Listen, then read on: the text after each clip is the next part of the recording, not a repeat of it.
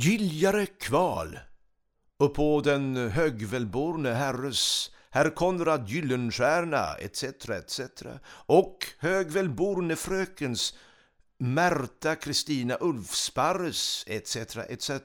högst Lycksele brudlöfts dag kontinuerad av Lucidor den olycklige den 18 november anno 1669.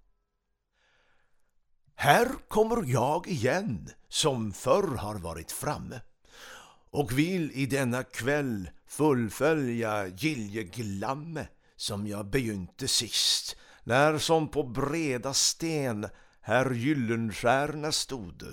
Fast jag är något sen, jag håller likväl ord. Tar tiden som han faller, ordkväde kväder så, allt bättre sent än aller. Jag är en sanningsman, osviklig, utan list. Allt vad jag lovar en och håller, det är visst.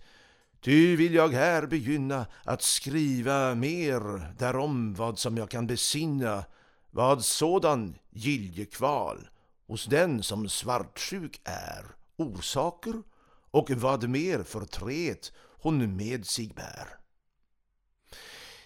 Är jomfrun gladlynt Strax blir han så svart sot dull att tänka sådant sker för annan orsaks skull.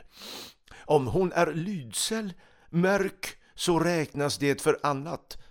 Då svär han vid sig själv, hon haver nu förbannat hans kärlek ur sin håg. Han bliver så hel rysk att han tår stadigt tro hon älskar någon tysk. Om någon ungerkar kan råka till att tala med jomfrun tror han visst den samma tupp vill gala att locka hönan bort, tro visst. Han tvivlar ej, fast hönan inte hans, att vara han rej. Då rinner han full ond, begynner till att svärja sin tunnor tusen full drar äntligt på sin värja.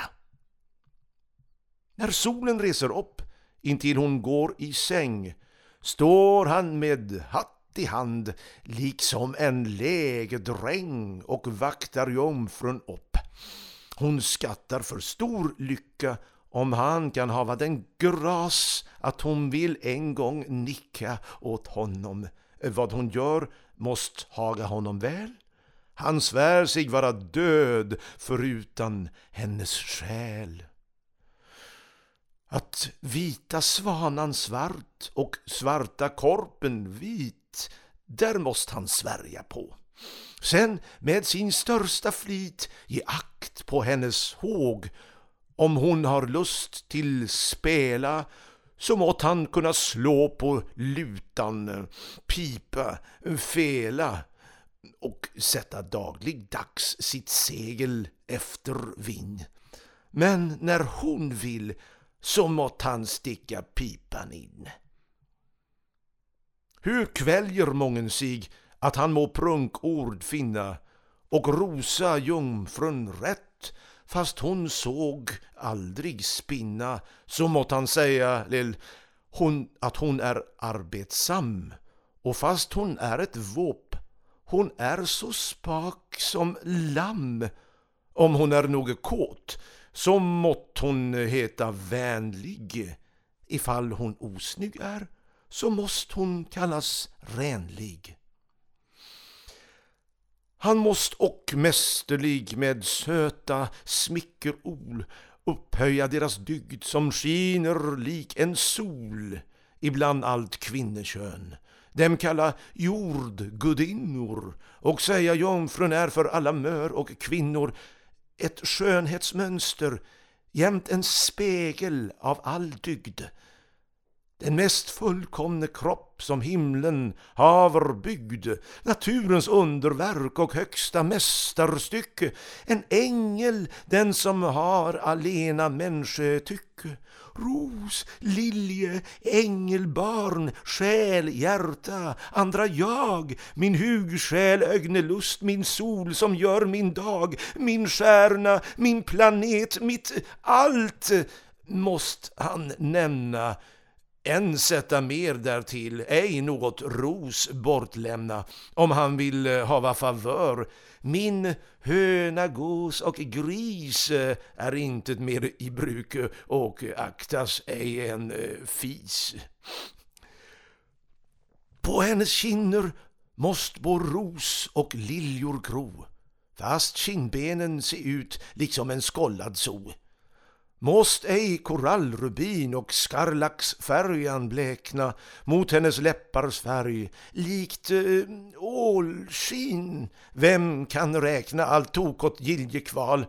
Hans rätt självägne kropp gör honom en ny sorg om han vill hava hopp att haga jungfrun väl. Måt han ha giljekläder hårluva, bäverhatt, därpå en brokott fjäder som han på huvud bär och ligger tätt på strå.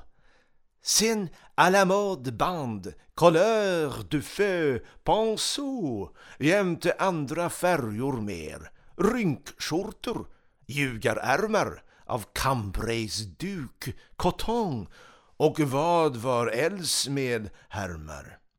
Det är ännu ej allt, än hörer mer därtill. Han måste smörja väl som rättlig köra vill, else stannar hjulet tvärt. Vad kostar marknadsgåvor?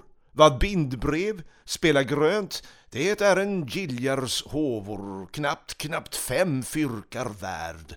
Eller mått han spela kort, då går mång ärlig slant per diskretion och fort.